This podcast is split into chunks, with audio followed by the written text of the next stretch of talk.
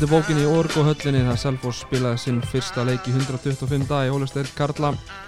Örugur 6 marka sigur á val staðarinn 30-24 við erum mættir í Kaffi Krúsa stúdíu eða ætlum að fara yfir leikin uh, til mín eru mættir Helgi Hlinsson og, og Þórir Ólásson verið velkonum með drengir Takk fyrir. Takk fyrir. Herðu, ásamt því að ræða leikin þá erum við búin að vera að vinna því stugstu daga að, að hérna, heyra í, í góðum mönnum sem að tengjast Selfossi á einn eða annan hátt. Það er enda lígi, ekki á einn eða annan hátt sem tengjast allir handbólta á Selfossi. Þetta er þeirri Bjarki Már Elísson Elvar Örd Jónsson og Guðmundur Guðmundsson uh, þjálfari Selfoss, hann reynda að tengja Selfoss ekkit ekkit eins og hinnir kannski en Guðmundur er þjálfari íslenska landslýsins Já, já, og þannig tengist hann að sjálfsögðu Selfossi. En við ætlum að byrja á því að heyra um, létt spjall, ég heyrði í Bjarka Má á dögunum og, og rættu aðeins við hann um, um HM í Egiptalandi og já, og það sem hefur verið að gerast á, á Selfossi undanferðin ár, skulum heyri í Bjarka. Bjarki, verður sæl Blessaður, blessaður. Herðu, þú varst að koma á æfingu, er það ekki rétt hjá mér? Jó, blessaður. Er, Og maður mættir aftur í, í alvöruna. já, er þetta Ekki það, maður var svo sem í alvörunni. En... Jú, vissilega, vissilega En hvað hérna, þessi, þessir æfingatímar, er þetta eru menn sáttu með þetta að æfa svona setnipartin, hefur alltaf verið í, í þessu umhverju í, í atvinnumennskunni Uh, Næ, það er rosa misjátt, sko. Hérna erum við uh, æfum yfirleitt, við vo- vorum til þess að lifta í morgun. Þá er yfirleitt lengra á mitti æfinga. Já, Um, svo kannski ef það er eina þá er yfirleitt að æfum þrjú. Mér finnst það bara fínt, sko. Og mér finnst svo sem ekki það að æfa. Við æfum stundir fimm líka. Þetta er, við erum ekki yfirleitt með fasta tíma. Það er svolítið eftir bara hvað dagur er, sko. já, en já, ég, kvart ekki til því ég bara mæta á æfingu eins til tvis ára dag og ekki gera neitt annað þá bara mæti maður og, og heldur kæfti sko. akkurat Sko, ég er náttúrulega uh, Lemgo, er er ég að byrja þetta rétt fram? Já, allt í tíð þar. Sko, ég er náttúrulega tengi það ég tengi það við hérna Lóa Geirs og atvinnum okkar. Já, já, og hann náttúrulega talaði ekkit sérstaklega fallega um uh, um þennan bæ. Nei, það væri hálgir, hálgir drauga bæjar og, lítið að frétta. Já, He- Hefur þú sömu sög að segja eða ertu með eitthvað annað að teika á þetta?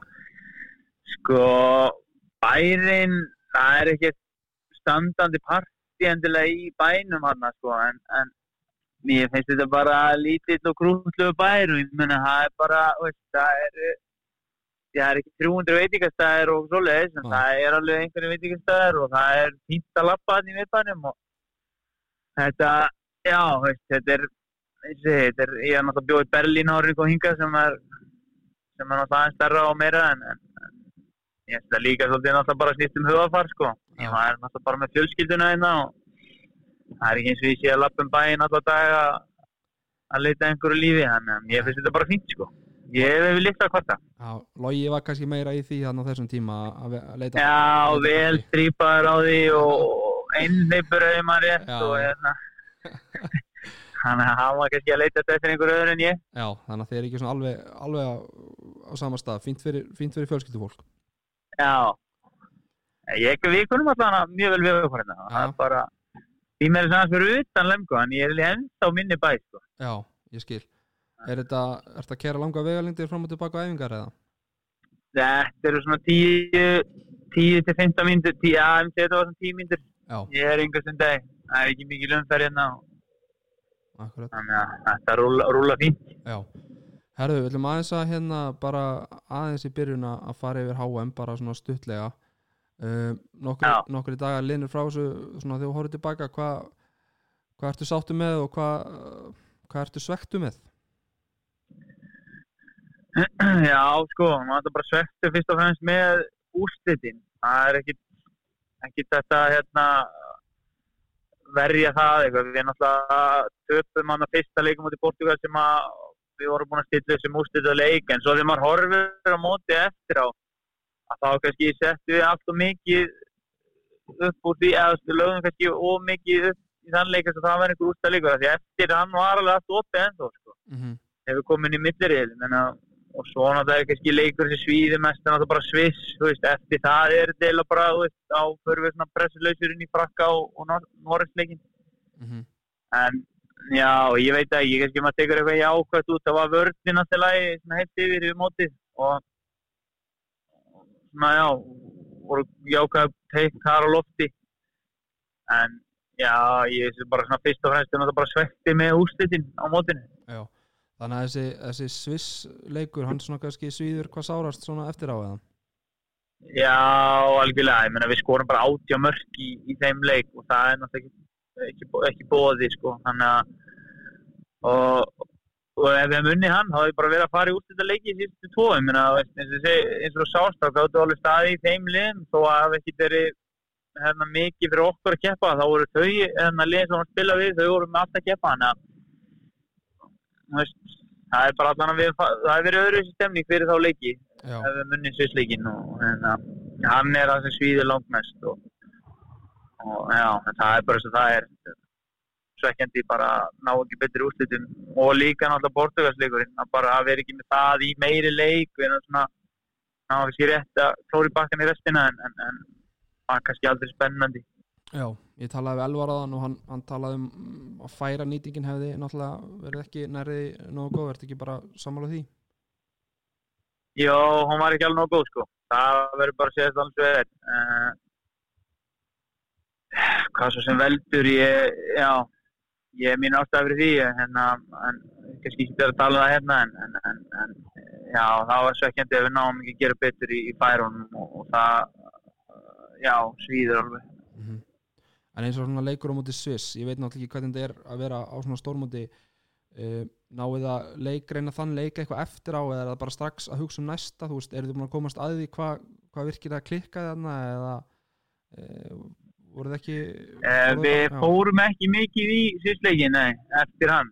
Nei. Ekki nema bara við tölum kannski meira um hann, heldur en við, við skoðum ekki mikið einhvern klippum. Uh, það er líka bara lítið tími og ég held að fyrir kannski lið eins og okkur, veist að er ekki gott eitthvað að vera að dvelja lengi við þann leik, ég meina það er ekki hjálpa okkur, en, en hérna Já, við fórum ekkert mikið, við bara töluðum mikið um að bara hvað við hefum átt að gera betur og svona, en, en, við vorum ekkert að liggja yfir einhverjum klippum sem kannski betur fer. Nei. En ertu ekki, ertu ekki til dæra sáttur með, með þína framistöðu svona persónulega á mótinu? Jó, ég alveg þannig, sko, ég, ég enda með starfn ofalega á markmann, ég alveg sáttur með það, Mm uh, það er samt alveg svona færi, nokkuð færi sem ég hef viljað skora og svona crucial momentum sem að hérna það er frakkaleiknum og, og ég gæti ekki að jafna það í Norrisleiknum en að já, það er svo sem bara partur af þessu en, þetta er svona færi sem að sérstaklega sem hotna maður að þá já, þá liggum maður yfir þessu alveg sko marga daga eftir og Já, skil.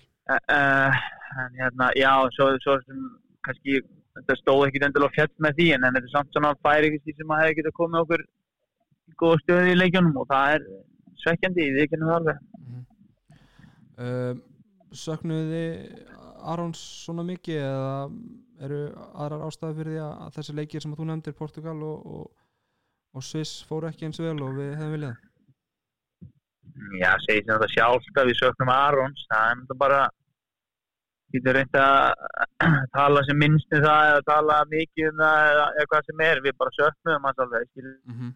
við hann alltaf one of a kind og kannski einn af þeim bestu bara í sögun á Íslandi, er ekki svo besti. Þannig að við söknum hans klálega uh, en þegar, veist, það er bara þannig með landslið, það er veist hérna, mikið álag og, og veist, menn er alveg að meiðast, það er ekki bara í okkur bara óöfnir, ekki að vara Aron í þetta skipti. Og hérna en, en ekki spurning við söknum hans, við erum samt alveg að geta unni Portugal og, og, og Sviss á þess að vera með hann, vil ég meina sko. Já, en við erum alveg, alveg ekki að nota hann hana, það er ekki nokkuð spurning. A- bara aðeins til að loka þessari umræðum HM þá hérna uh, kemur gummiðan í viðtal eftir leikjag Sviss og, og segir að, að umfjöllun uh, sérfræðingur Rú hafi farið illa í sig og hópin er þetta eitthvað sem að þú tókst inn á þig eða uh, pyrraði þig mikið? Nei, ég get svo sem ekki tala fyrir allan hópin en, en ég held ég ekki sé mínúti á þessar áhanstofu ég sá, ég sá það voru nokkur sem senda á mig eftir allsýrleikin er að logi valdi mig ekki bestan í þeimleika hérna, skoða ég einhvern veginn hjá hann þá, það var þetta eina sem ég sá en hérna. En, en svona þetta fór ekki dýtla í mig að því ég bara, ég sá ekki neitt. Ég var svo lítið, maður vill helst ekki vera að fylgjast mikið með umræðinni, þó maður séu þetta alveg var við hana, hérna bara á Twitter og svona þannig að hérna, já en, en nei, þetta fór ég, maður er nú vanur þessu bara í gegnum afreiks íþróttir, þá er náttúrulega bara gaggrínt og Mhm. og maður er náttúrulega bara það að íslenska þjóðan hafa áhuga á landsliðinu og við erum náttúrulega að hérna, við erum að, að fólk hefur alveg rétt á gaggrinn okkur þannig að þetta fór svo sem ekki í mig þar sem að ég heyrði svo að það hefur verið talum að þessum gummi talum en hérna, hann lítur að, að sína, sína ástæði fyrir því og er heitt kannilega frá einhverjum öðrum en það var þannig ekki ekki ég og ekki herbyggisfélagið minn sem Nei. að vorum að liggja yfir þessu ég get bara, bara að tala fyrir okkur Þannig að það var ekki, ekki fundur eftir leik og, og HM stofan spiluð aftur í gegn. Nei, það er kannski verið kannski einhver leið, ég veit ekki, þetta er mótið þeirra menn Já. en hérna nei, það var, það var ekki Nei, hún var ekki skoðið aðja, ok. Herðu, við skulum setja punktum við HM uh, uh, Þíska deildin er hún hún er ekki komin á stað er það ekki rétt um mér? Nei, hún fer að staða um helgina uh, en við erum ekki að spila því við vorum með leikmenn hérna í úrslitaleikjunum að þá fengu þau lið að fresta sínu leikjum uh, þess að alltaf leikmenn úr, úr undanúrstunum og úrslitunum að skila sér heim og, og einhverjir sem er að fara í sótkví og eitthvað svo leiðis já Fórst þú, en en nú hún fer að staða um helgina fórst þú beint til Mm. Þískalands eftir Ekiftaland eða millilendur á Íslandi? Uh, ég fór beint til hérna, Þýskalands sem betur fyrr það var hérna sólarýningsferðarlega fyrir það sem voru að fóra í Ísland En ég fór bara beint þeim var einn heima í nokkra daga og fyrir frí fræðingu þannig að maður náði svona þess að Já. hvað var það að segja, núlstilla sig bara komast aftur niður á jörðina og hérna, melta þetta aðeins að búið að gerast og, og þetta upp og, og hérna, þannig að það var fínt bara mm ekkert, ekkert sótt kví vesinn í Þískalandi eða? Nei, það er ekki þannig sko þú skilar og kemur með eitthvað test og svo fór ég strax aftur í test hjá liðinu og, og svo aftur test tenda setna, ég fór í þrjú testanna bara á einhverjum sextum þannig að þá þurfti ég ekki að fara í, í sótkví en ekki það, það er svo sem allt lokaði í Þýskalandi þannig eina sem ekki eigum að vestlaði sér inn náttúrulega í matinn. En svo er maður bara heima sko. Hvernig, svona, hvernig horfa næstu ár uh, hvernig horfur þú á næstu ár? Uh, ertu, ertu sáttur í, í Þískalandi eða myndur þú vilja prófa eitthvað prófa eitthvað annað, hvernig horfur á þetta? Uh, sko, ég er náttúrulega að renna út af samningi núna á Lemgo en, en okkur liðið mér vel í Þísklandi en það svo sem þekki ekkert annað úr atvinnmennskunni, búin að vera hérna síðan 2013, þar ári var ég bara í Íslandi þannig að- að ég eh, er opinn fyrir öllu og ég ætla bara að skoða allt sem að kemur og en, ég er alveg spenntið fyrir að prófa eitthvað nýtt eða bara ef vera enn áfram sko. En ég að maður má ekki vann með það, ég er í stóru hlutverkinu á Lemgo uh, sem hotnamaður og orðin náttúrulega háður öðru leikmönnum á, á vellinum. Þannig að ef þú ert í stöðu eins og fær mikið boltan og svona þá, þá er það mjög skemmtilega heldur en að ég veist ég hef prófað að vera í liða sem skil kannski eins og marki í leik og það er ekkert, að maður má ekki vann með það heldur Nei. en ég ætla bara að skoða mér máli í róleitunum og er, er opinn fyrir öllu sko. Hvernig virkar þetta með að svona, þegar þú ert að hérna, reyna undir samningu sumar með að lið byrja að heyri þér eitthvað fyrir eða bara um leið og samningunni klárast eða hvernig er það? Já, þú má bara heyra í mönnum hvernig sem er þetta sko. Ég held að mörg dæmi um það, menn að vera Alexander Pettersson hafi skrifað undir hjá Ræni ykkur löfin einu og hálfa ára hann fór, sko. Þannig að þannig við, þú mátt alveg hérna, ræða menn, en hérna, náttúrulega landslægi sérstætt núna, bara út af ástandin í heiminum og, og það er það er alveg erfitt að vera ennunda samningi, þetta er ekki eins og kannski væri vennilega áfæð mæ, klúbarnir veit ekki alveg hvernig landi liggur og, og hvernig verður með áhörundur og hvernig reksturinn verður og svona þannig að það er aðeins öðru í sér landslag en maður verður bara að taka því menn, menn hérna kunnur mér segja að þú sett búin að gera munleg, munlegt samkomulega við góða menn hérna á Selfossum að þú takir að minnst að kosti eitt tímabil hérna þegar, þegar þú kemur heim. Stendur það ennþá? Það er hérna þegar Selfoss stætt út þarna í, í uh, undanústinengtíðan ég myndi taka hérna byggarengtíðan yfir brúna. Þetta þeir gerðu það svo árið setna þannig að hérna ok, ég, ég fyrst ekki að koma og gera en, en, en, en uh, já, ég er alveg opið fyrir að taka 2-3 ára þegar ég kem heim uh, og það væri mjög gaman að gera á Selfoss síðan sem ég hóf með meistarátsferil já, ég, ég var að ljúga ef ég segi banna hérna var alltaf geðveitt að mér bara, já, bara stemning á í kringum handbóltan og tala nú ekki um í ústakefni maður fylgt með þessu núna fjarska síðustu ár og hérna, það er bara mjög gaman að fylgjast með þessu og, var náttúrulega geggja að sjá þeirri kláruðu titilin mm Fylgistu vel með íslenska handbóltanum svona almennt?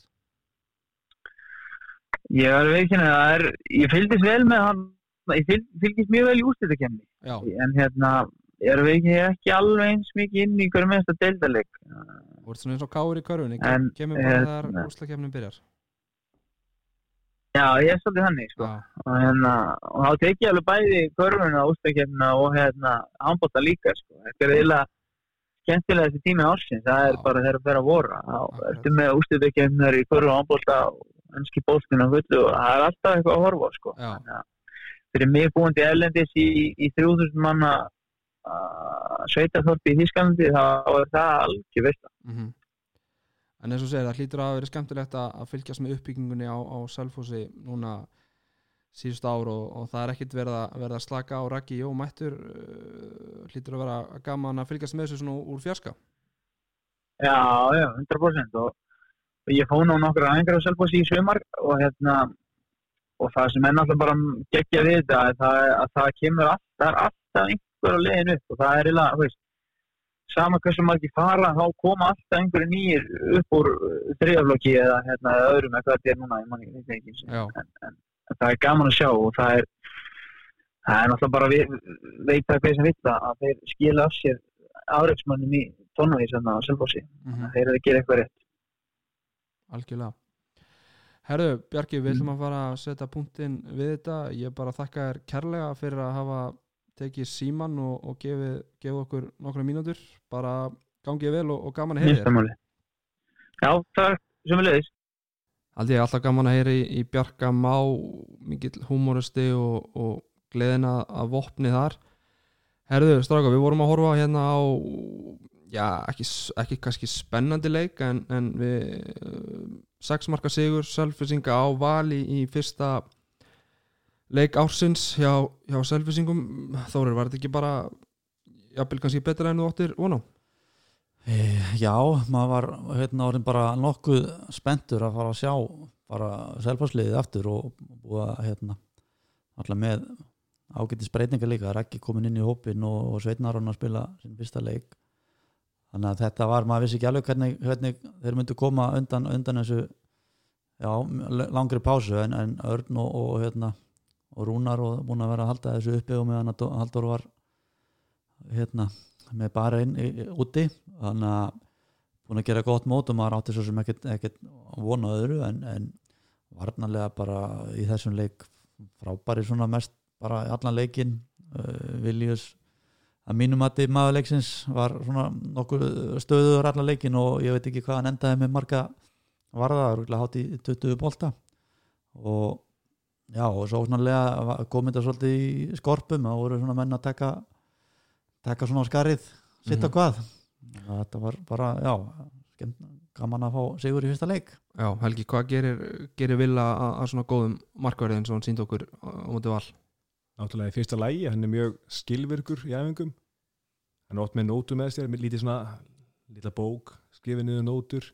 Ég tók fundi með hann hérna fyrir fyrir móta, fyrir COVID ef um það leið sem það er að gerast þá var hann að taka vist með markmannstálóri og það var hann alltaf með lítið bók með sér að ská allt niður sem hann sagði. Hann er að bæri hann er hörkudölur hann er góð karakter, kraftur í hennum sérstaklega á æfingum og líka í leik, gefur frá sér Mm -hmm. og það bara sést inn á vellinum, alveg frábært.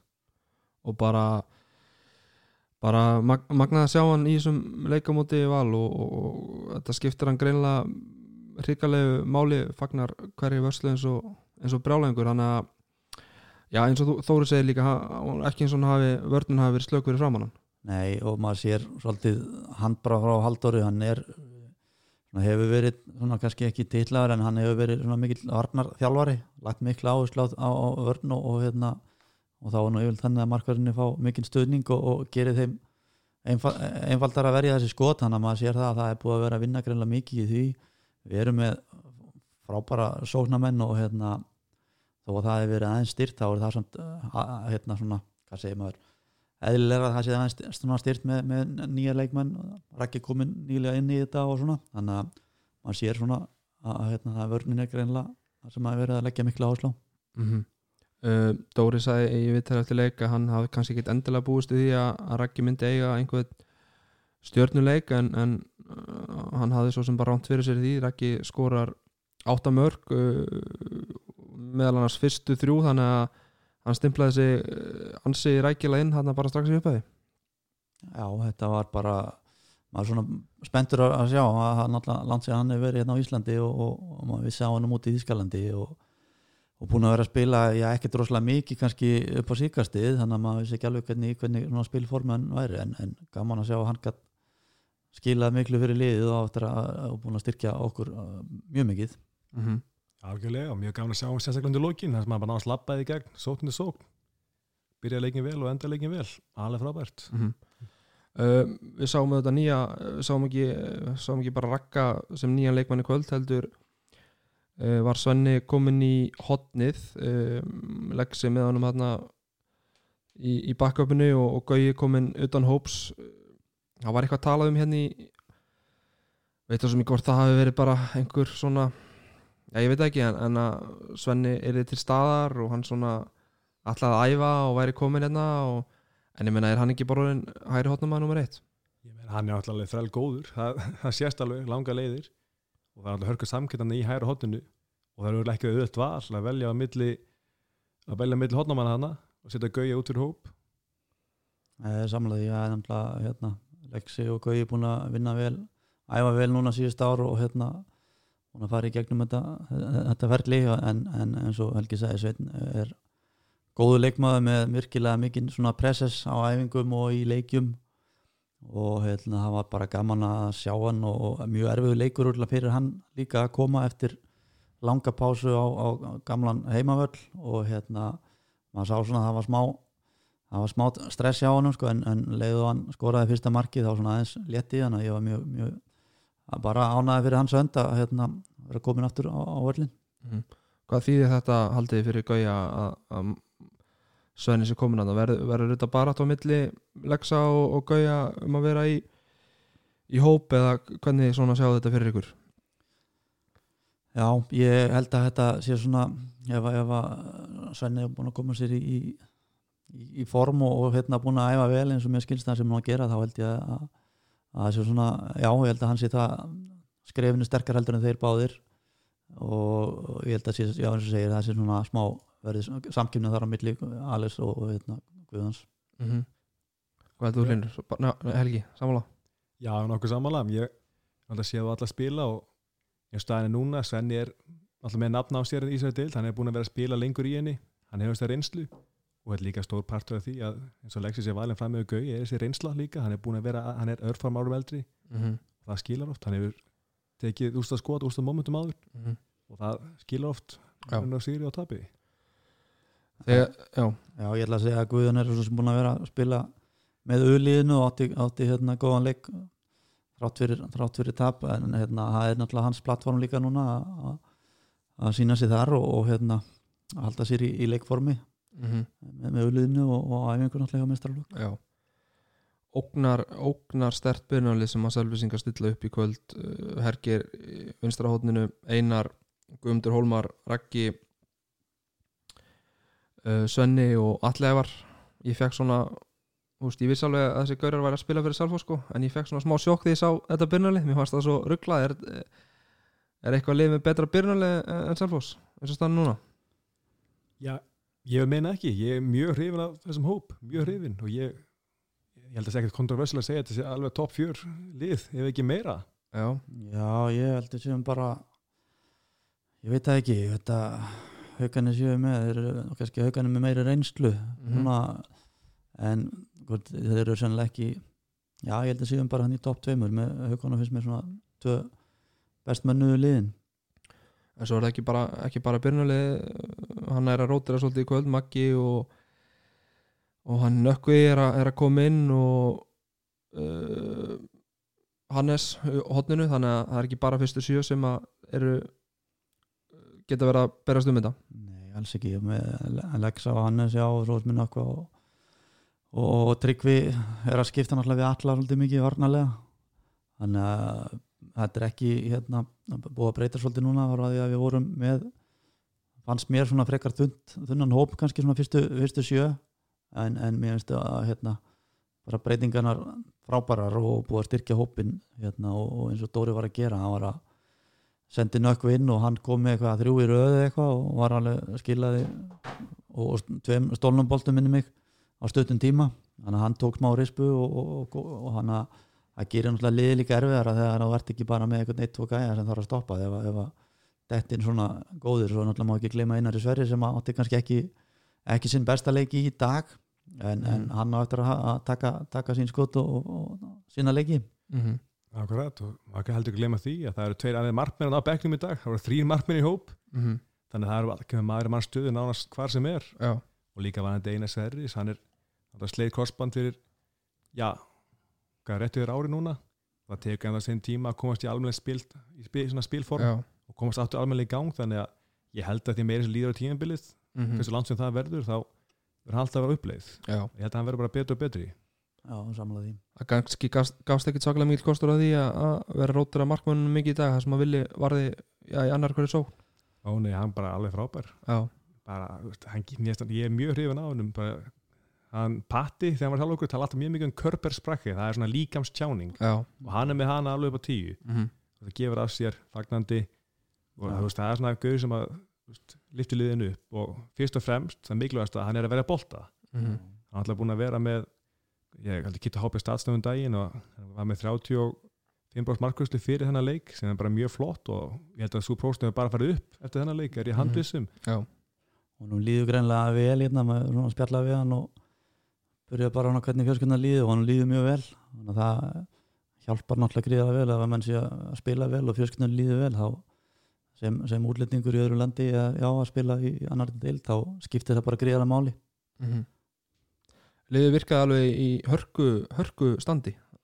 Össi hefur greinlega ekkert verið að grínast hérna í, í janúar. Nei, ég hérna lofaði nú að, að Rósunum að hérna hann hefði skilað Dóra góðu, góðu liði hérna hann, hann, hann, tók við góðu búi og, og það er búið að vera góðar æfingar og stífar æfingar og, og þegar maður hefur lítið inn þá, þá sér maður kraftin á æfingunum og það er greinlega búið að vera að vinna þetta bara ásamt rúnari og styrta þjálfun og, á, eftir á, ákveðnu prógrami þannig að það er bara greinlega búið að vera að vinna þetta svona smátt og smátt upp og, og koma mönnum í, í það stand sem við þurfum að vera í hérna, fyrir fyrsta leik mm -hmm. Já, þetta er búið að framhald líka bara síðustu árum. Það er búið að vera bara topp bara æfingar, topp styrstaþjálfun búin að vera í sambandi við sérfræðingar á útlandum og núna er þetta náttúrulega komið alveg í okkar hendur og styrstaræðingarna sérstaklega hjá Rúnari. Örn er alltaf topp þjálfari og kann þetta og heldur áfram það sem hann haldur vil gera og gerir það bara alveg að krafti þeir tveir, Mm alveg frábærir. En það verður líka Rósa Erni og, og þeim sem voru með liði því að það er oft ekki það er erfitt að vera aðstofþjálfari og taka við hóp í, í mánuði eða, hvað það er því að það er oft svona maður hefur upplegað sjálfur og það vil oft vera þegar aðstofþjálfari eru með kannski æfingar að æfingarna verði ekki eins beittar. Þannig að greinlegt að að leikmenninni sjálfur hafa líka bara sínt mikið naga með því að mæta á æfingar greinlega og taka á því á fullu og, og, og skila sín og ekki vera með eitthvað svona hangandi hendi eða haus og ég hafi nú ekki séð allar æfingarna þetta kemur náttúrulega fyrir að einu og einu æfingar ekki, ekki góð gæð en, en þeir hafa líka rosa þá að, hérna, fyrir þeirra framleg Mhm. eins og góðum að sagði hérna í, í leiksloka hverju getur við ekki spila við, við val í orgu höllinni í hverju umferð? Er það ekki bara, myndi það ekki henda best fyrir okkur? Það er allavega búið að ganga rosalega vel núna síðustu ár og, og menn voru sumisöða voru ekkert stressaði fyrir þessi leik að hérna, spila móti val eh, hérna á líðarenda en, en hérna, já, það er spurning. Þetta er bara okkar setni heimaðalli nánast. Já.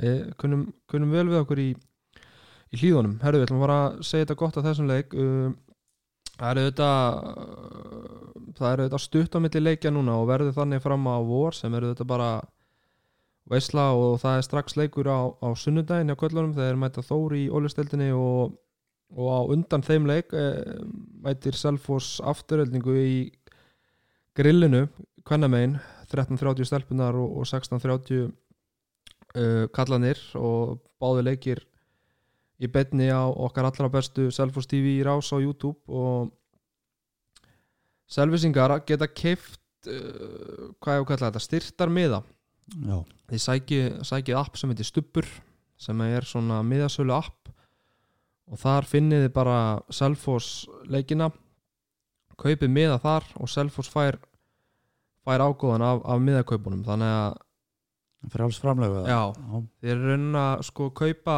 nei, það er ekki frálsframlug nei, og borga bara fyrir miðan hvað, hvað er það, 1500 kall, 2000 kall, eitthvað svo og færð leikinn beint heim í stofu frá Selfoss TV þannig að við hvetjum menn til þess að menn og konur til þess að styðja handnætlisteldina á, á erfiðum tímum COVID tímum Herru, rétt ánum við uh, hættum að tala um Selfoss. Uh, með starflokku Kvenna er búin að spila þrjá leiki núna eftir áramót. Uh, tapa þeim öllum þremur.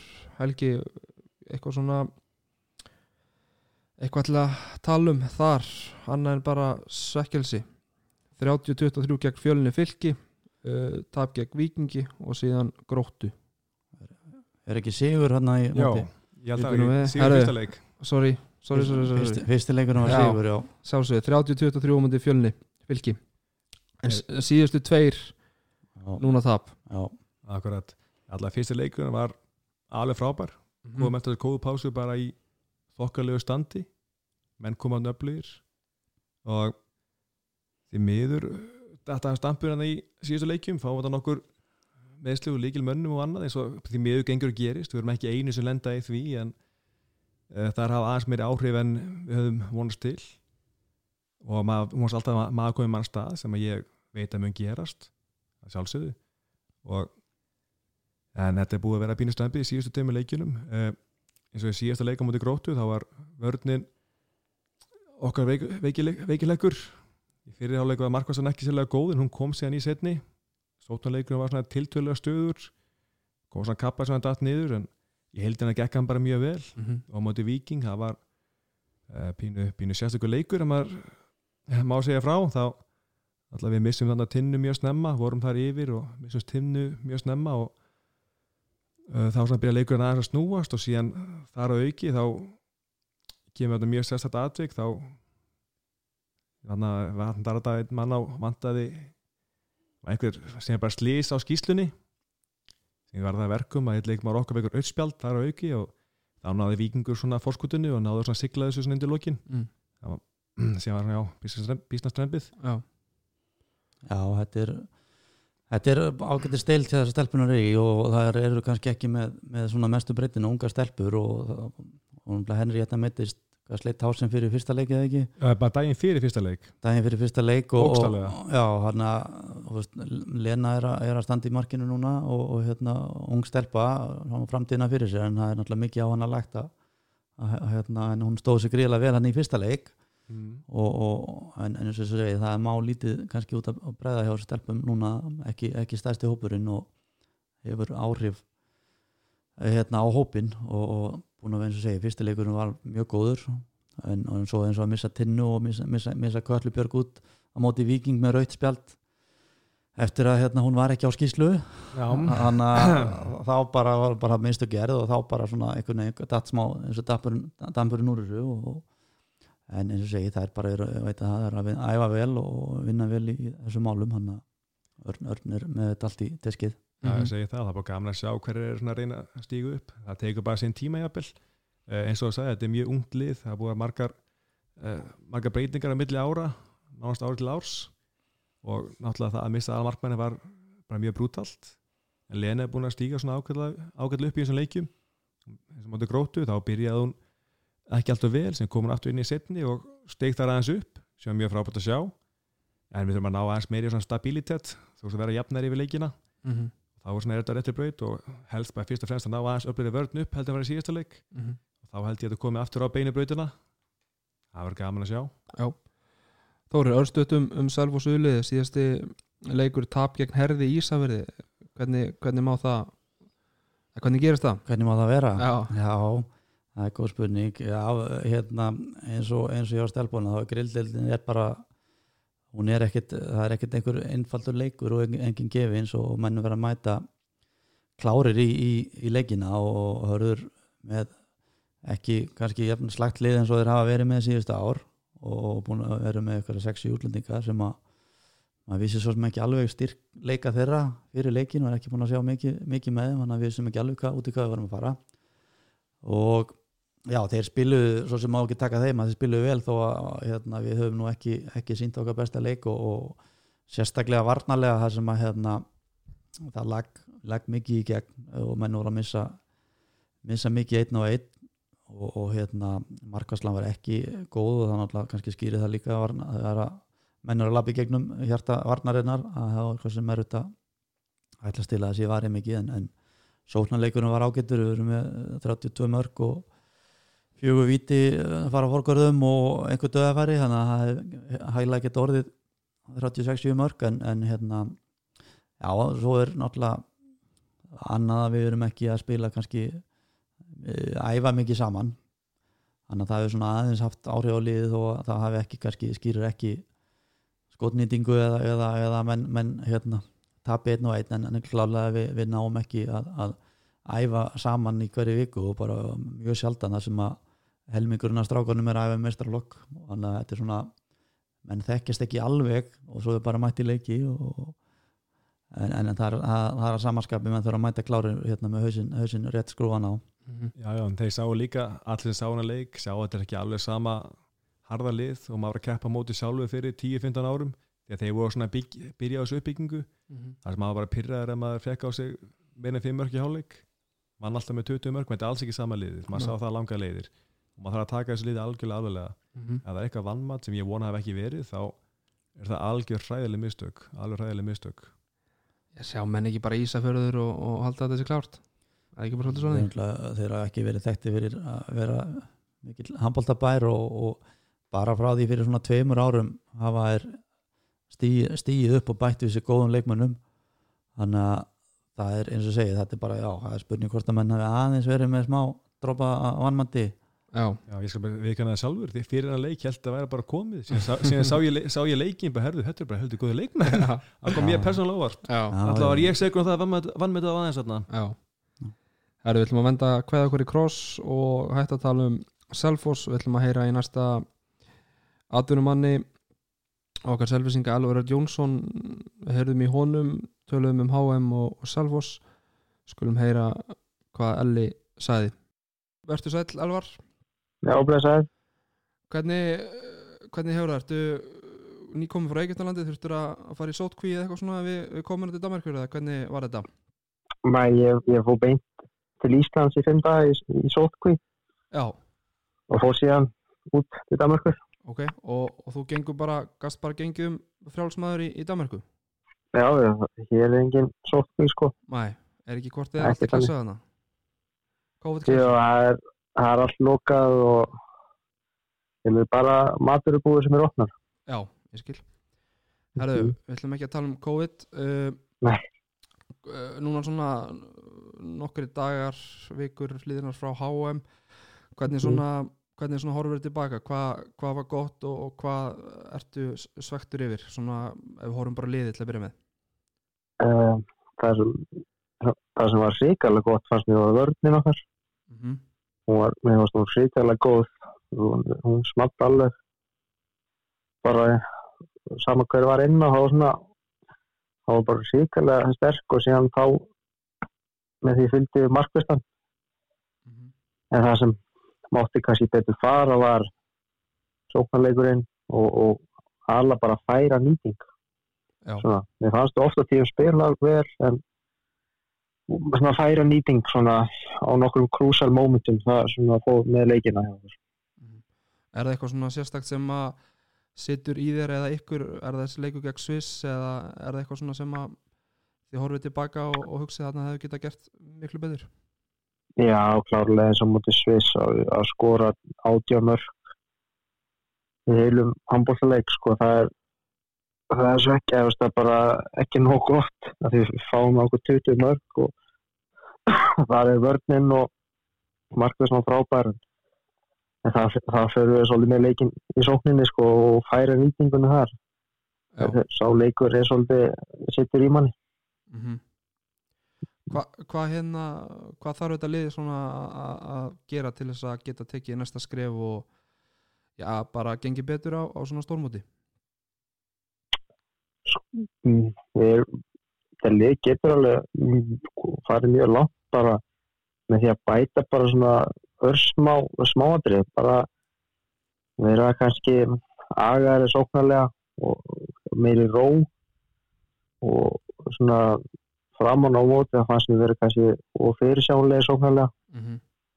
en því meira sem leiða móti þá var sóknarleikur með, með svona betra flæði og komið svona rétta tímasetningar og húst, auðvitað voru allir þessi meðsli sem fyrir mót en, og er náttúrulega við höfum lítið tíma til þess að æfa en það sama voru með önnu lið það hefur líka lítið tíma en það er bara svona þessi litlu atrið sem fyrir að smetla og svo, svo við getum náð lengra.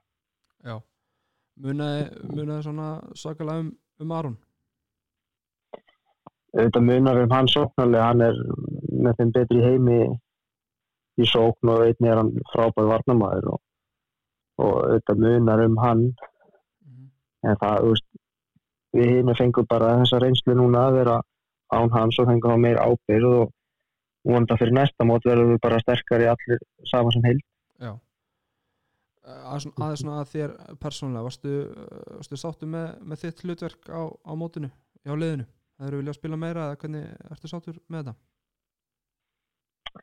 Já, mér varst ekki endi með ætti út af á móti normönum Mm -hmm. ég fæði eitthvað njaskan á móti Sviss og og, og þar, þar, var- þar var meldum út á móti normönum sem er bara strax í byrju leik en, en já skotnýtingi mín á mótinu var ekki upp á sitt besta og það er bara þessi færa nýtingu sem maður þarf að laga bara Mm -hmm. en vartanlega fannst mér standa mjög vel og sama á allir bara og frábært í vörð Akkurat og já, Ól, Óli Guðins var góður, mjög góður þegar hann kemur inn og bara ski- skila því hluturski mjög vel og getur hósaðum fyrir það þannig við skiptinni mm -hmm. já, annars var það kannski bara sóknarleik það var smá högt þannig á tíðanbili Já. svona, svona í byrjun mót Akkurat. Bara til þess að lóka þessari háa umræði þá verði ég að spyrja það út í uh, gummi komandi viðtali eftir leikjak Sviss og, og hérna sagði að ummæli sérfræðingar úr væri að fara illa í sig og hópin var þetta, hafði þetta einhver áhrif á þig persónulega, Eh, voru það að fylgjast með umræðina núti eða hvernig, hvernig var þeim málum hátað? uh, persónulega þá var ég ekki að fylgjast með þessu ég, ég var ekki að lesa mikið um þetta og bara að, volít að pæla í allir þessu allir þessu umræði hjá, hjá fréttamilunum þannig ég þetta hefði engin áhrif á mig persónulega. Er þetta einhver svona uh, ákvörðin sem að þú er búin að taka bara sem íþróttumæður að vera ekki að pæla í því sem er, er skrifað og, og, og sagt um ykkur eða kíkur í þetta inn á já. Já, þú veist, ma maður reynir bara að pæla minnst í þessu þú veist. Auðvitað hafa þeir rétt á sínu skoðunum og segja bara það sem þeir vilja og, og þeir náttúrulega þáttur um, um handbóltan og þeir eru náttúrulega bara eitthvað, veist, að bara svona að vinna þeirra. Já, þannig að ég, ég, ég, pæla ekkert í þessu, ég reyni það. Ég reyni bara að fókusera á, á minn leik og hvað, hvað ég get gert betur. Ég dæma alveg sjálfa mér mun harðar heldur en þeir munu dæma mig sko. akkurat. Herðu, skulum segja skilju háum uh. Þú ert að fara til Þískalands eftir tímumbilið og þú ert að fara til Gumma Gumma Gumm Mm. til Melsungan hvernig, hvernig var aðdragandina að þessu? Og hvernig byrjaði þetta allt saman? Úf, ég bara manna ekki. Það er, svona- langt síðan. Það er búið að- það er bara búin að vera svona talaði svona aðeins um þetta bara svona. Mm eins og ég er að alveg svona stuttur aðræðandi að þessu. Já, það tók ekki, ekki mjög langa tíma og það var, var það alltaf planið að þú myndir klára tímabilið þá í, í Danmarku eða? já já, ég vildi það persónulega Já.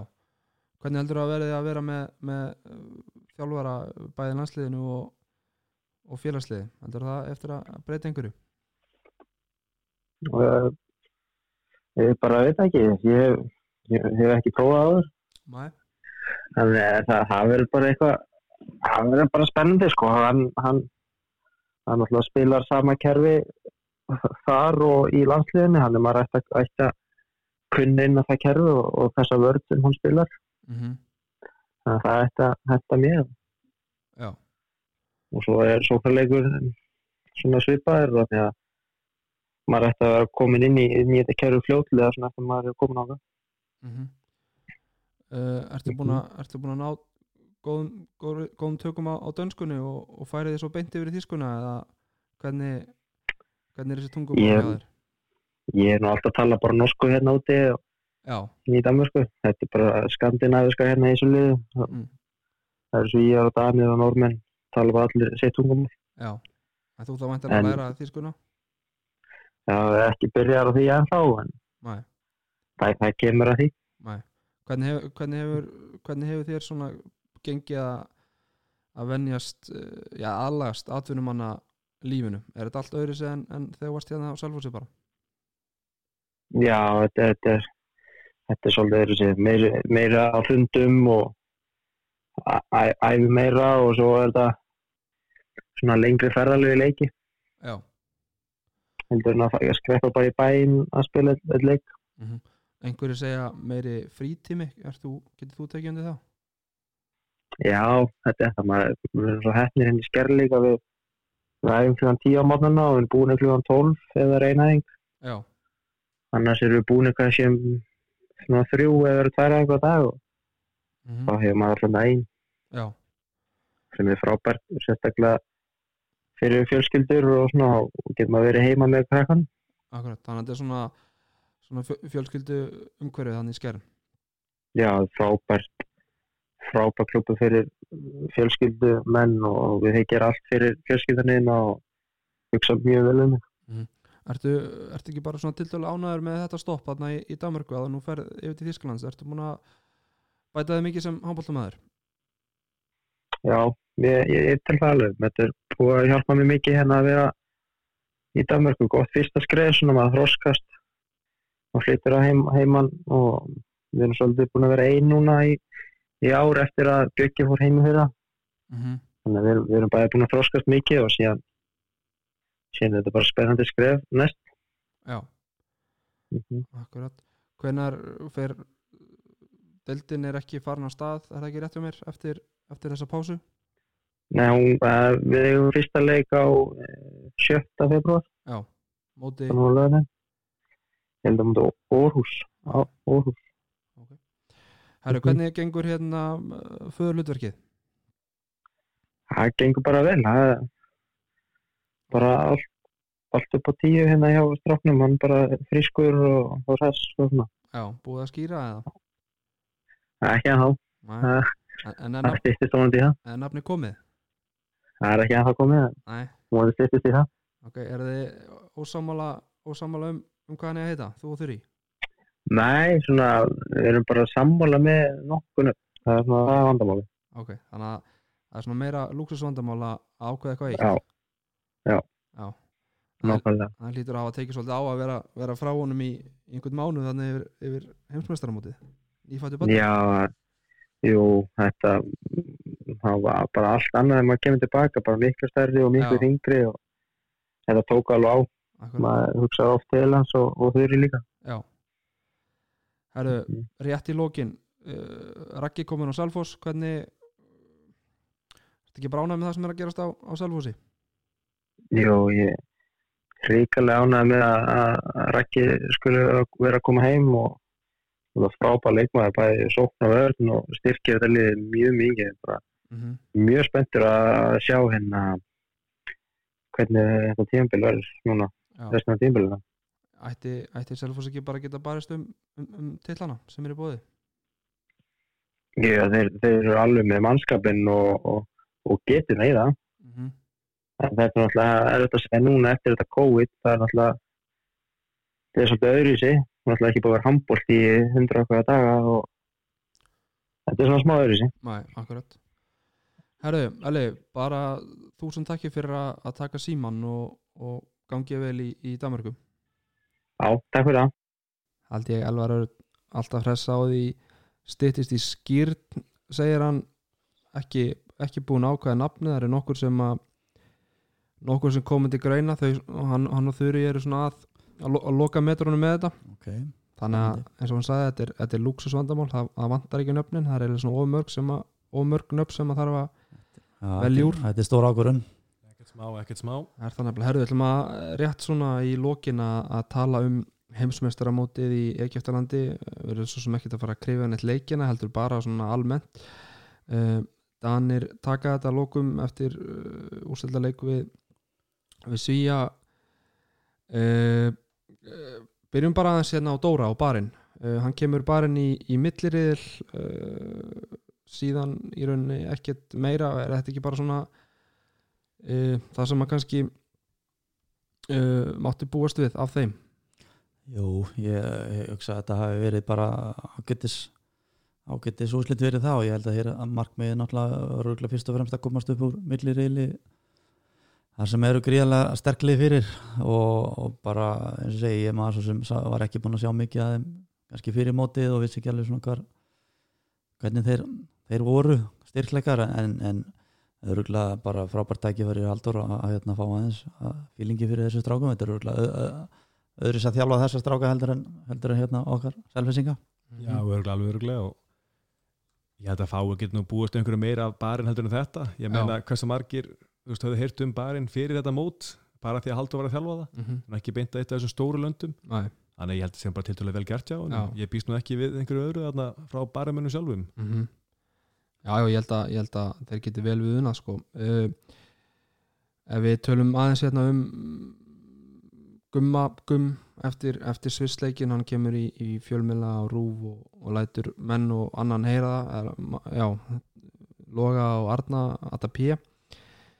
Uh, hvernig fannst ykkur hans viðbröð við, við þeirra ummælum vera, þannig við tala við einar örn eftir leik.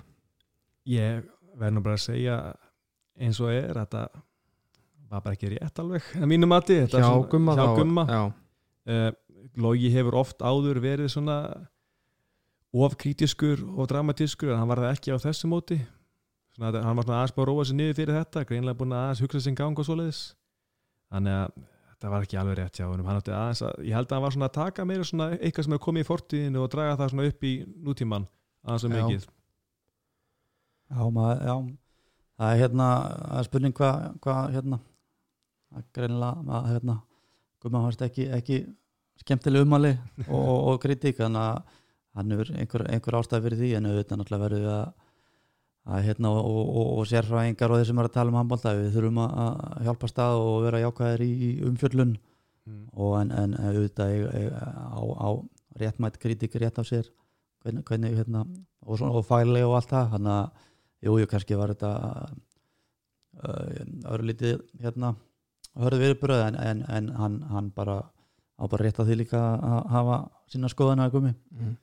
kemur líka þarna á bara erfiðum tíma fyrir hann skýta tap á móti Sviss og svo hendir hann sér í þetta. Þannig að að hann hefur bara ekkert leiðin eitt sérstaklega vel á honum. Það er spurning hvort að hann myndi gera þetta í dag ef maður myndi spyrja hann sko. Sen- sennilega ekki, þetta er náttúrulega búið að vera mikið álag og, og vera greina leiki og þetta hundsvektur örugglega með hennan svisleik og, og hérna, hvað, hvað fór svona, þú veist, akkur kannski náðist ekki sigur þar sem að var, var klálega markmiðið og hérna, jú, jú, það er bara þetta bara gerist og hérna hann er búin að gleyma þessu núna. Já, ég held að ég mæti bara tilbúin í næsta, næsta markmið og næsta, ekki næsta leik heldur bara svona næsta já, bara næsta undirbúning. Þegar það er náttúrulega leiki núna eða ekki hvað, mars, Mars, apríl. mars hann, hann á eftir að sína það bara, hann er náttúrulega bara frábæð þjálfari og síni það vandalega bara já, hvað, hvað til, er til í þessu liði og, og hérna, mætir vel undirbúið núna fyrir næstu leiki Mhm. Já, ég meina hann er oft sínt áður hann er alveg frábæð þjálfari og þú veist, hann er ekki neitt að sanna fyrir fólki þannig séð en þarna var svona kannski gekk hann aðeins langt fram úr sér bara á þessu eina mómenti en þú veist, allir sem að spila handbólta vita það að hvernig döðunar eru eftir erfitt og jafnvel jafna leik, erfið á jafna leiki þá svona stundum með svona tilfengur aðeins og hátt og hann Mhm. missir eitthvað út úr sig sem hefði betur látt ósatt. En það veit sem sagði í byrjun þegar voru að tala þarna um uh, hvernig þeir voru tengdir þarna, hvernig Gumi Gumi var tengdur á Selfoss. Náttúrulega sonur hans Herman Guðmundsson hann var náttúrulega að æfa á Selfossi. Já, já, spila náttúrulega með Bjarka Má og Já. ég já, líka. Já, alveg rétt. Var þarna Íslandsmeistari og hvað hann var í, í þriðaflokki Já. við allir hérna. Þannig að ég lögu engum það Það væri, væri það er alveg ná tengdur hérna, ná Já. tengdur tengist allt hérna. Já, ég, Æri, hvernig fannst okkur framist að selvisingana á mótinu Elvas, Ómas og Janusar? Ég var mjög ánægð með Elvar Varnarlega. Uh, ég er bara býða eftir að hann stíga þessu upp meira sótnarlega Já, ég held að hann gerir það nú bara bráðum, ég er full að trúa því. Uh, Bjarki Már ég held að hann, í byrjun mótsinu ég held að hann alltaf bara eiga þetta mót, vera bara kongurinn mhm, og það svona gekk aðeins það sé aðeins niður hérna í svisleiknum og síðan koma þetta aðeins upp aftur. En ég held að hann verði bara maður í næstu stöðu næstu, næstu árin og ég er mjög ánægður að sjá það og mjög ánægður að sjá trösti sem hann fekk hérna en varandi uh, Ómar og Janus þeir svona fengi ekki alveg mikið að sína sig. Nei, Janus þetta lendir í, meðslum hann mm en þeir eru náttúrulega löngu búin að sanna sig í sinni dild en ég segi nú er bara komið tíma þegar það fara að gera það með landsliðinu. Það vita, þú veist, flest selvisingar hvað þeir geta þeir eru þræl góðir, það leynir sér ekki. Og ég býð bara spendur þú veist, ég held að þeir muni alltaf fá séðan sérsklega halda á að sér svona vel með félagsliðum það fá þeir alltaf séðans og það er bara, ég held að það er bara tímansfjösmál hvernig þeir byrja að stígu upp og virkilega sína hvað í þeim býr. Mhm. já, samlega því, þetta er náttúrulega bara, já, eins og Janus náttúrulega er búin að vera mittur meir og minna í vettur með köpingen og, og gatt og hefur lítið geta skotið að markið og hefur náttúrulega háðan í hans leik. Þannig að hann dettur út úr þessu eins, eins frábælega hann var fyrir árið síðan. Þá, þá koma svona, svona smá óvart fyrir mörgum þó, þó að við vissum alveg hvað hann geti og hérna já, Bjarki var svona nokkuð eins og, eins og Helgi sagði, stabilnum þetta aðeins niður og, en, en Ómar átti kannski ekki sitt besta mót. Hann þetta er bara hörð samkeppni og Viggo steg inn og náttúrulega með Alexander hann að reynslubolta sem að maður vissi að myndi spila svona helmingin af, af leikjanum á móti einhverjum öðrum og það var datt svona aðeins eh, Viggo megin kannski í þetta, þessu móti Mhm. en, en, en Ómar er náttúrulega algjör handbolta heili og, og gerir fáar rángar ákvarðanir í sínu leik Mhm. en það er náttúrulega að há landsliðinu og, og, og okkur að hæð og, og, og svona þyngd er ekki alveg, alveg með okkur þegar við lendum á móti einhverjum múrum sko þannig að hann er meira í þessum undirskotum og, og fyndum Mhm. Akkurat, en maður er heldur ekki að gleyma því að saðan eins og með einu seris okkar með hennar selfossi þá alltaf var Ómar heilengi að glíma við slæm höfumirsli var frá hann í meira hálft ár sem var bara náns rúmlingandi hann var einn af þeim sem var lendi mjög illa í því og, og hann er búin að vera að koma allavega í dildinni þó ég sé ekki maður sjá það margir leiki hjá honum þá allavega með því statíkina er hann að standa sér alveg gríðarlega vel Mhm. já, er búin að sjá nokkra og hann er að taka, taka viti og taka og spila eh, nokkuð mikið með Magdeburg og bara ég veit svo sem engar ágjörnum um að hann spjari sér þar og, og, og hann er náttúrulega nýtt komið þangað hann er ekki nema hvað, 20 og 23 Já, að kúli. kottnungur Já. þannig að þetta eru bara ungi leikmenn og eftir að, að hérna, eins og Helgi segi þetta er að stíga upp og, og bæta sinn leik Mhm. Herru, við ætlum að fara að slúta þessu rúsinni pilsandunum Guðmundur Guðmundsson rættum við hann eins og hina tvo. Uh, hvetjum að sjálfsögðu fólk til þess að sækja stubbur appið, stubbur uh, í hérna símanum ykkar kaupa miða á leikin á sunnundaginn og njóta síðan upp í, upp í sofa með stilt á Selfos TV Drengir, takk fyrir komuna. Já, bara þakka þér fyrir. Takk fyrir okkur. Skulum heyra í, í gumma Já og á línun er Guðmundur Guðmundsson landslistjálfari Íslands stattur í Þýskalandi Kottu Sæll, Guðmundur Blessaður. hvernig hefur það í dag, hvernig er, er staðan í, í Þýskalandi Ég hef það bara fínt. Hún er náttúrulega ennþá allt hér í, lokað eila, meir og minna, sko. Þannig að það er nú svona ennþá mjög erfitt ástand hér vegna koronavírus þannig að það er nú svona ekki eins gott á, á, Íslandi þannig að það er nú það sem er.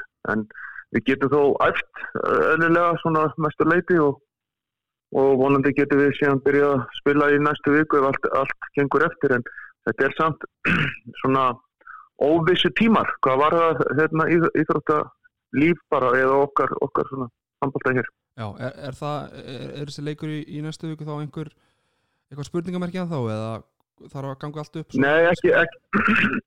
Nei, bara spurningamerki er kannski alltaf tengt því sko hvort að ve, ve, smitist einhver eða skilur Já, akkurat. Og við erum búin að þurfa að fara núna í, í þrýgangir í einangrun sko og, og, og, og það er raunverulega það ef, að, ef einn, einn smittast að þá er getur liðið þetta að fara í 10-14 einangrun sko, það er búið að gerast hjá okkur núna ítrekka gerðist eða bara núna frá í november og, og fram í desember sko, þá voru við í tæpan mánuði í einangrun sko, Já. Já, þetta er búið að vera mjög erfitt ástand Já, við, við vonum það besta Hvernig er svona vennileg dagur hjá, hjá þér? Hvernig, hvernig er æfiði og, og hvernig er þessu háttað hjá okkur?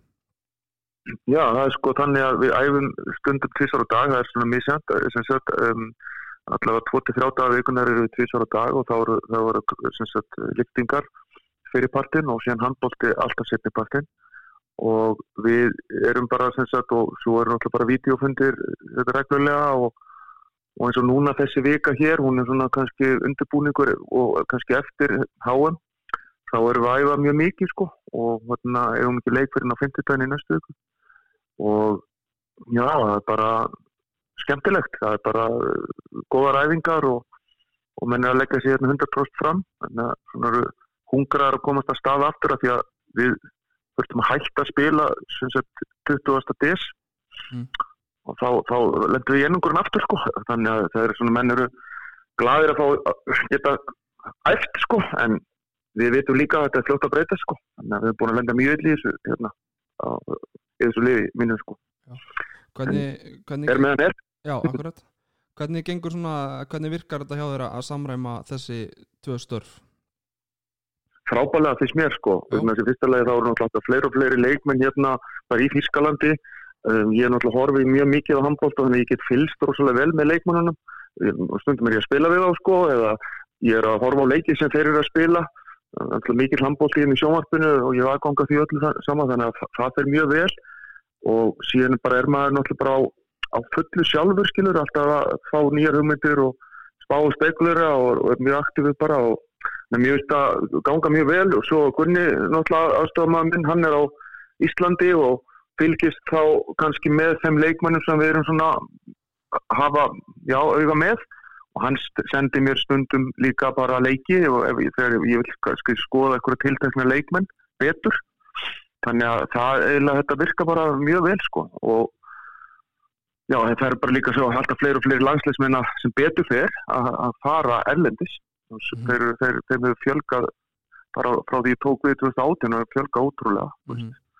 og þarna sem er bara mjög jákað þróun fyrir okkur Algjörlega, uh, nú ertu búin að hafa svona nokkra daga, vikur til þess aðeins að, að melda heimsmeistaramóti í Egyptalandi Uh, svona, svona þegar þú horfið tilbaka hvað hva, hva ertu sáttu með og hvað ertu ekki alveg eins sáttu með kannski?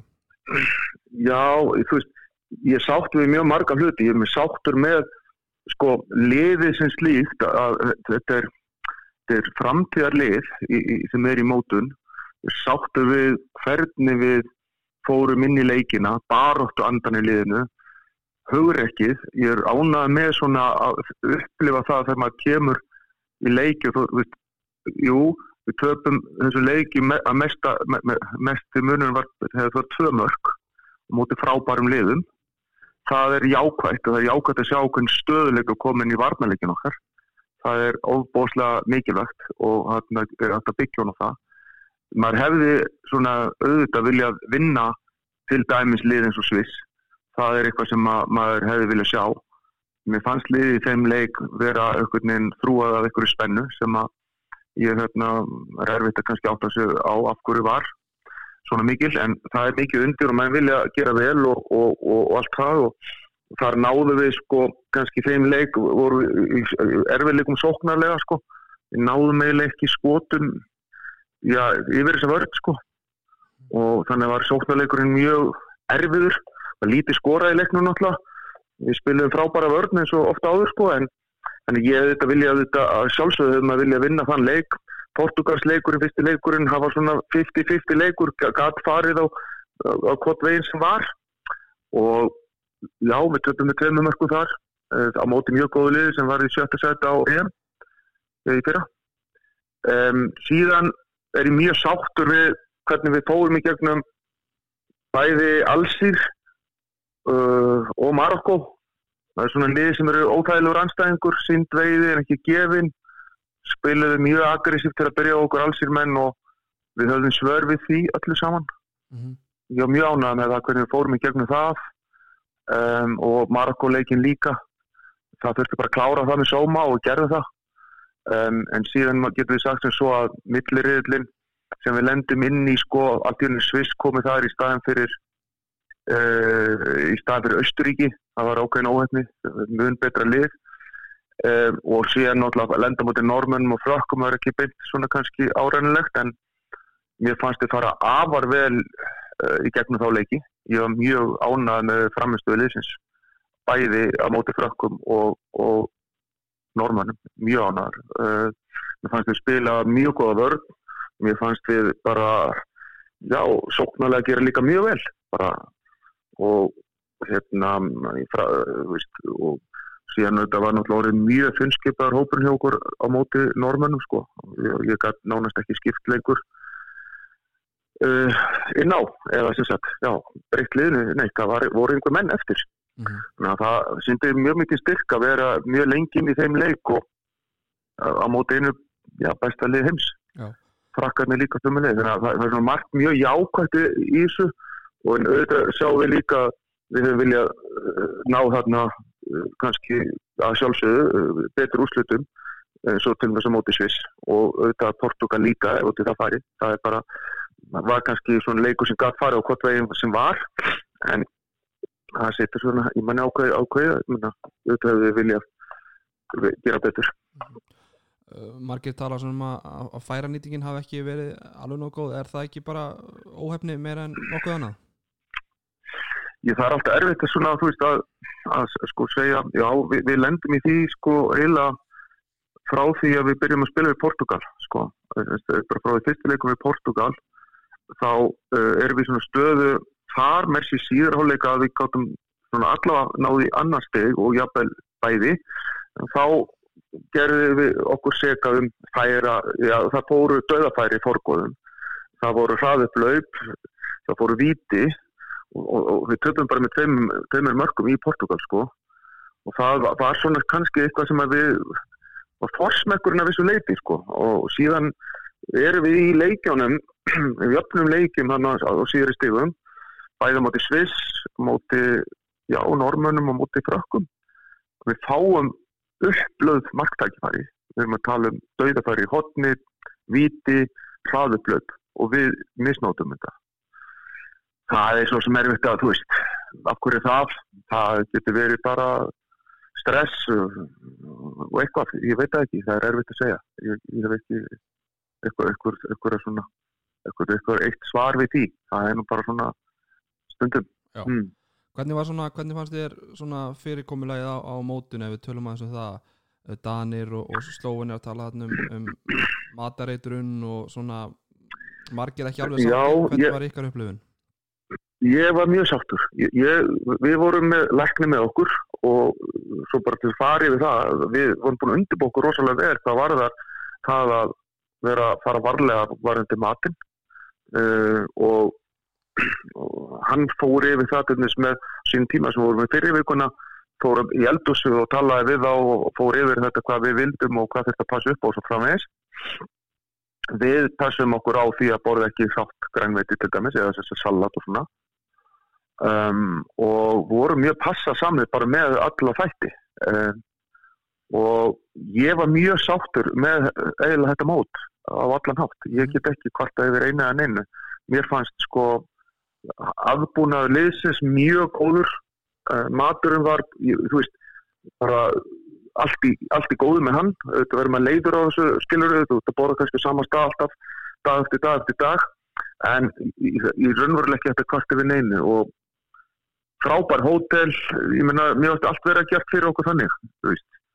Ég hefur einan auðvitað hins vegar reynir rosalega á lið og hóp að vera í já, þú getur kallað þetta bara svona í ákveðni svona blöðru eða í einangurinn sko.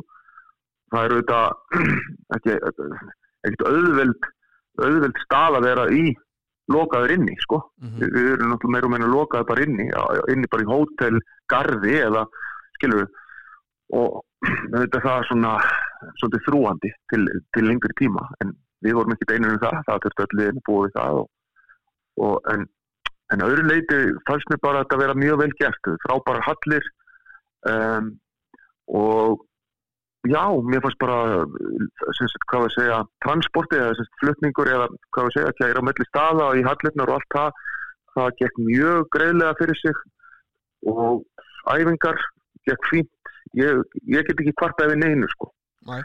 þannig að þetta mér er mjög vel útvært já. Sá, sáttu með Egyptana bara já, ég meina auðvitað glýmdi Robby kannski á baku tjöldin eitthvað skiluru mm uh, og það þurfti eitthvað að, að svona hafa fyrir ymsum hlutum að fá uh, eitthvað gert og það var þeir gert og allt það og þeir eru náttúrulega frábært starf þarna þú veist, uh, uh, Robert og, og Kjartan og þeir sem voru þarna á vegum sem þeir hann HSI sko þeir, þeir náttúrulega unnu auðvitað fullt að vinna á baku tjöldin sem við vissum kannski ekki um þannig en, en það var bara búið að leysa það alltaf í, á, í góðan, á góðan tíma sko.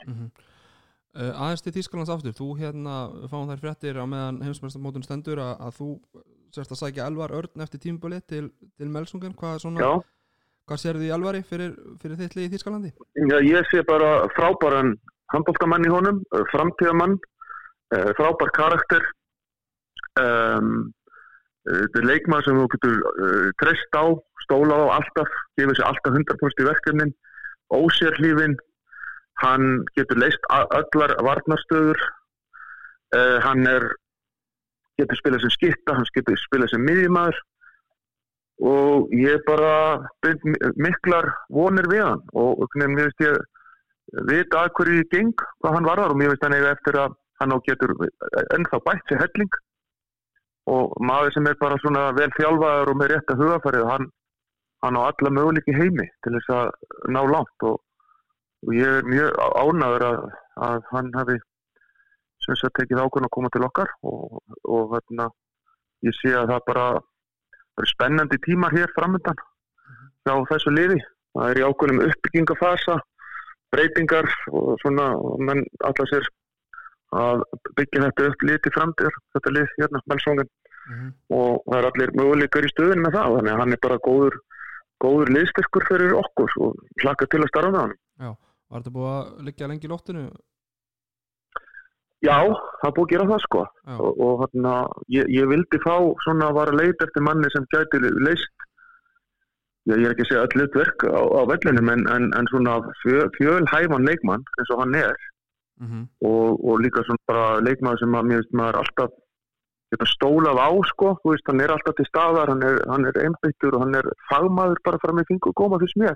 Og ungur séð skiluru Mhm. og, og hann já, og bara hefur þennan eiginleika geta leist margar stöður, ég man bara eins og í fyrra við, við fengum það hugmynd að, að prófa hann inn, inn í miðjun í, í 6-0 vörðun okkar það tók nú ekki nema okkur að tvær æfingar sko, þá var hann búinn að setja sig inn í það hlutverk sko, að spila líklega erfiðstu stöðuna -hmm.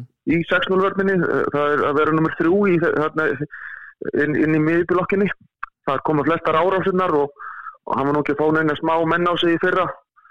Nýbúna hérna uh, tókna uh, ótrúlega illa þarna móti þjóðurum sko. Var, var náttúrulega bara ekki svona, ég veit ekki sé marga klára þetta svona vel sko. Og hann hérna hann skal ég segja er leisti það hlutur þá fyrir okkur sem sett hann inn í miðjublokkinni frábærlega vel. Mm uh, og, það bara síndi fjölhafnina sko hvað hann var fljótur að setja sér inn í þetta og gera þetta svona aldrei gert neitt annað skilur og það eru þessir einlingar sem ég er að sækist eftir með hann í, í mínu liði sem sagt.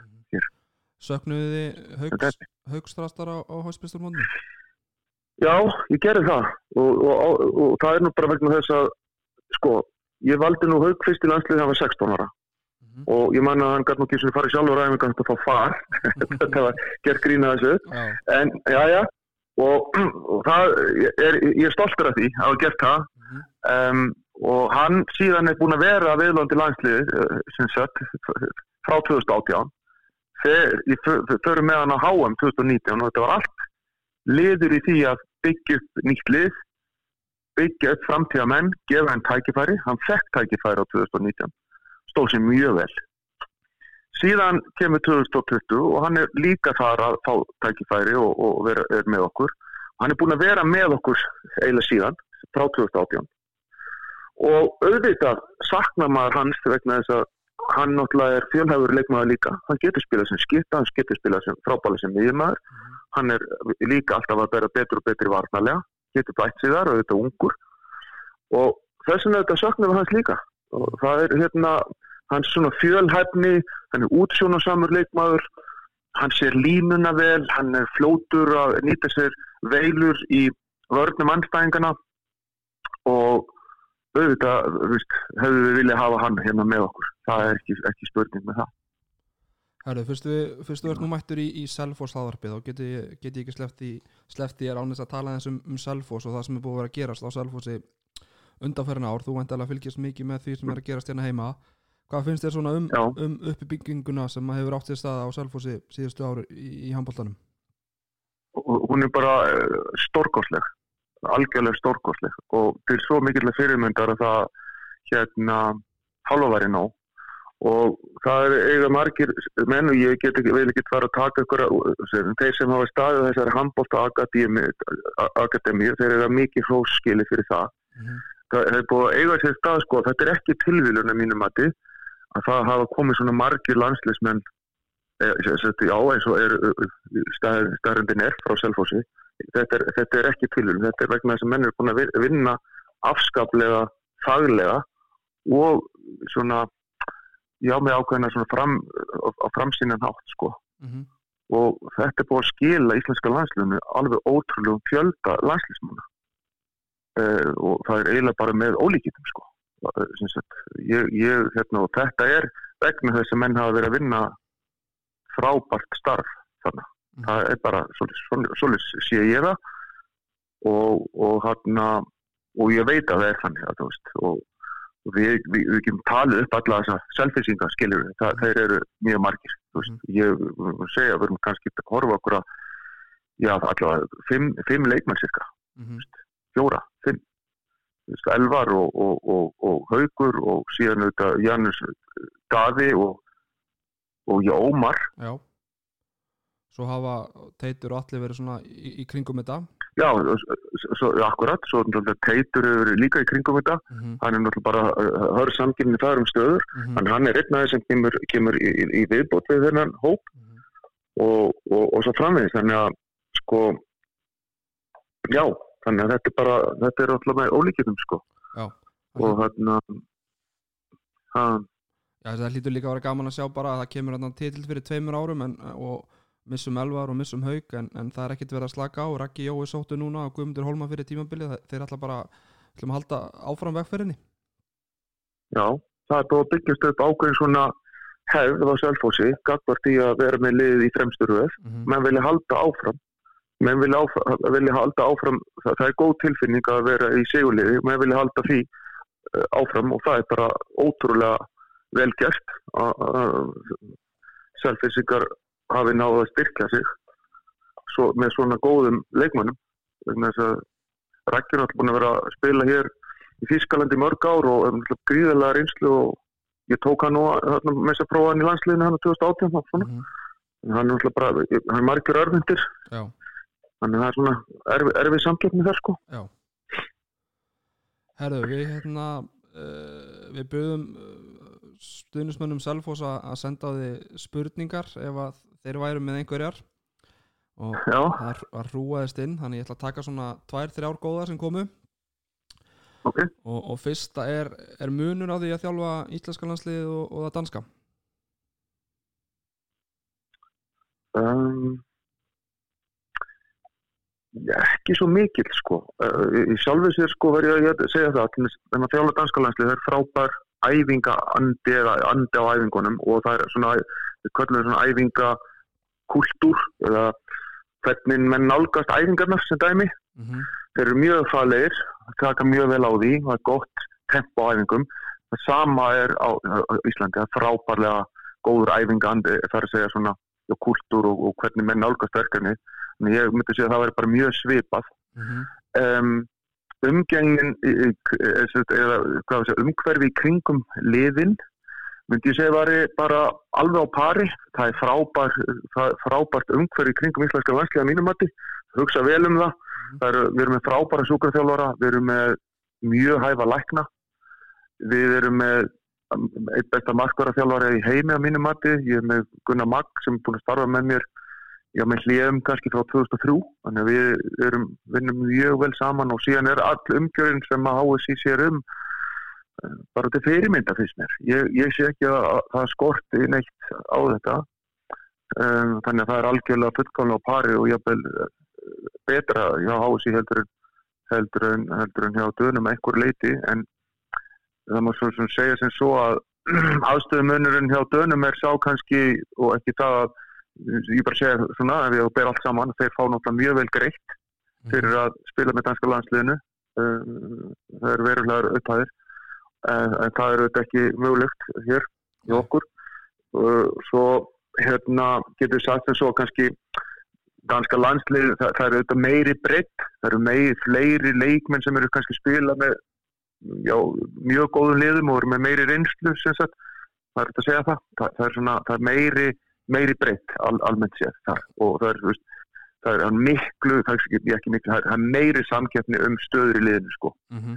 það eru, eru stærri hópi uh, að velja sko. en það, þú veist á Íslandi eru kannski 5.000 yfkendur á handbólta ég, ég veit ekki nákvæm hvað er, hvað er í Danmörku en þessi svipa bara og, og jafnvel í Svíþjóð það eru 100.000 handbólta yfkendur í Svíþjóð Mm -hmm. skilur uh, þannig að við, auðvitað er þetta ekki hægt að bera þetta saman og það eru, það eru tæmlega 900.000 handbólta yfkendur í Þískalandi þannig að það er verulegur auðvitað munu hvað þetta var þar en, en í raun og verulega stuttasvarið er, já þetta er mjög svipað. Herru, tökum eina ef við bót uh, Þrýr bestu leikmann sem þú er þjálfað á þínum ferli? Ef þú getur svarað því. Vá. Já, þetta er mjög erfið. Ég, get, ég vil ekki bynda mig við þrjá. Ég, ég, ég, veist, þetta er eiginlega já, þeir verða, verða nú sko nokkuð margir þeir upp í staði sko, ég er búin að þjálfa svo lengi og ég er búin að þjálfa svo marga stórkostlega leikmenn íslenska og af öllum þjóðverðnum meir og minna mm -hmm. um, auðvitað, þú veist ef ég nefna danska landsleginu um, þá, þá þá auðvitað er Mikkel Hansen einn af þeim Mm -hmm. uh, Niklas Landín Mhm. er annar og það eru auðvitað fleiri danski leikmenn sem voru stórkostlegir um, uh, mikilvægi leikmenn allir. Um, nú það er betra eiginlega svona að brjóta þetta aðeins upp sko og síðan auðvitað var algjör upplifun að, að þjálfa Óla Stef og Guðjón Val uh, og fleiri Alexander Petursson hefur verið bara líka stórkostlega leikmaður fyrir íslenska landslið og margir fleiri skilur Mhm. það er valla að ekki vilji fara að taka ykkur að sko út undan vegna þess að á sínum tímum íslenska landslega voru bara svo óbóðslega sterk liðsfjöld þegar þessi, þessi, þessi kynsla sem er farið er, er, er hægt núna. Mhm. um, svo auðvitað upplifði ég þegar ég var að þjálfa sem sagt um, ræninga löfin þá starfaði ég með stórgóðslugum leikmannum sko, veist. Og, og þetta var landin þar einn af þeim en ég var líka varnamennarna sem að uh, ég var upplifun að starfa með skiluru og Bjarti Mýrhól var stórkostluður línumæður mikill íþróttamæður til fyrirmyndar og, og hérna Andi Smith uh, að mínum að þetta besti miðjumæður í heimi Mhm. ég stjáði hann í fjór ár og, og hérna, hann tók miklu framförum hjá mér sem dæmi þannig að það er mjög eftirminnilegur leikmaður til- að, að nefna Mhm. algjörlega stórkostlegur leikmaður sko. og þannig að það, þetta eru auðvitað bara svo margi leikmenn skilur gegnum tíðina Mhm. og hérna og það maður er hættilegt að byrja að tella ykkur upp af Já. því að ég gleymur og gleymurinn sem er ykkar stórkostlegur sko akkurat en þú veist, það er ákveðin gæða sko að hafa fengið að þjálfa svona marga frábæra íþróttamenn mm uh, bæði íslenska og erlenda það er bara, er, eru ákveðin forréttindi og svo er ég að þjálfa mjög góða leikmenn hér núna í í, í, hérna, í mennsóknar líka sko Mhm. þannig að þetta er nú svona Já, Mm. þetta, er bara, þetta er bara mjög gott svar Herru, síðasta, var, síðasta var já, eiginlega ekki spurning heldur, hún kemur frá nökkva Dan Elliða sinni, leikmanni Selfoss Já. hann vildi bara Mhm. ganga, ganga úr skugga um það að þú myndir leggja nafnið Tryggvi Þórisson á minnið já, ég, ég hérna, uh, veit af honum Já, uh, hérna, hann, hann, hann á alla möguleika mm í, í, í, í verundinni sko Já. Það er bara halda á fram og við, við erum alltaf að, að fylgjast með mönnum bæði sem sagt á Íslandi og, og, og, þarna, og ég er þetta búin að sjá fölta leikjum og sé fölta leikjum sko. Mhm. og hérna, já já, ég, ég, mun, ég mun takk fyrir það bara að hérna, benda mér á það. Já. Herru, Gubbi, við ætlum að fara að segja þetta gott. Ég bara þakka þér enn og aftur fyrir að hafa gefið okkur smá tíma og, og spjalla við okkur. Ekki máli, gjöru svo vel. Háða gott, bless, bless they'll similar play.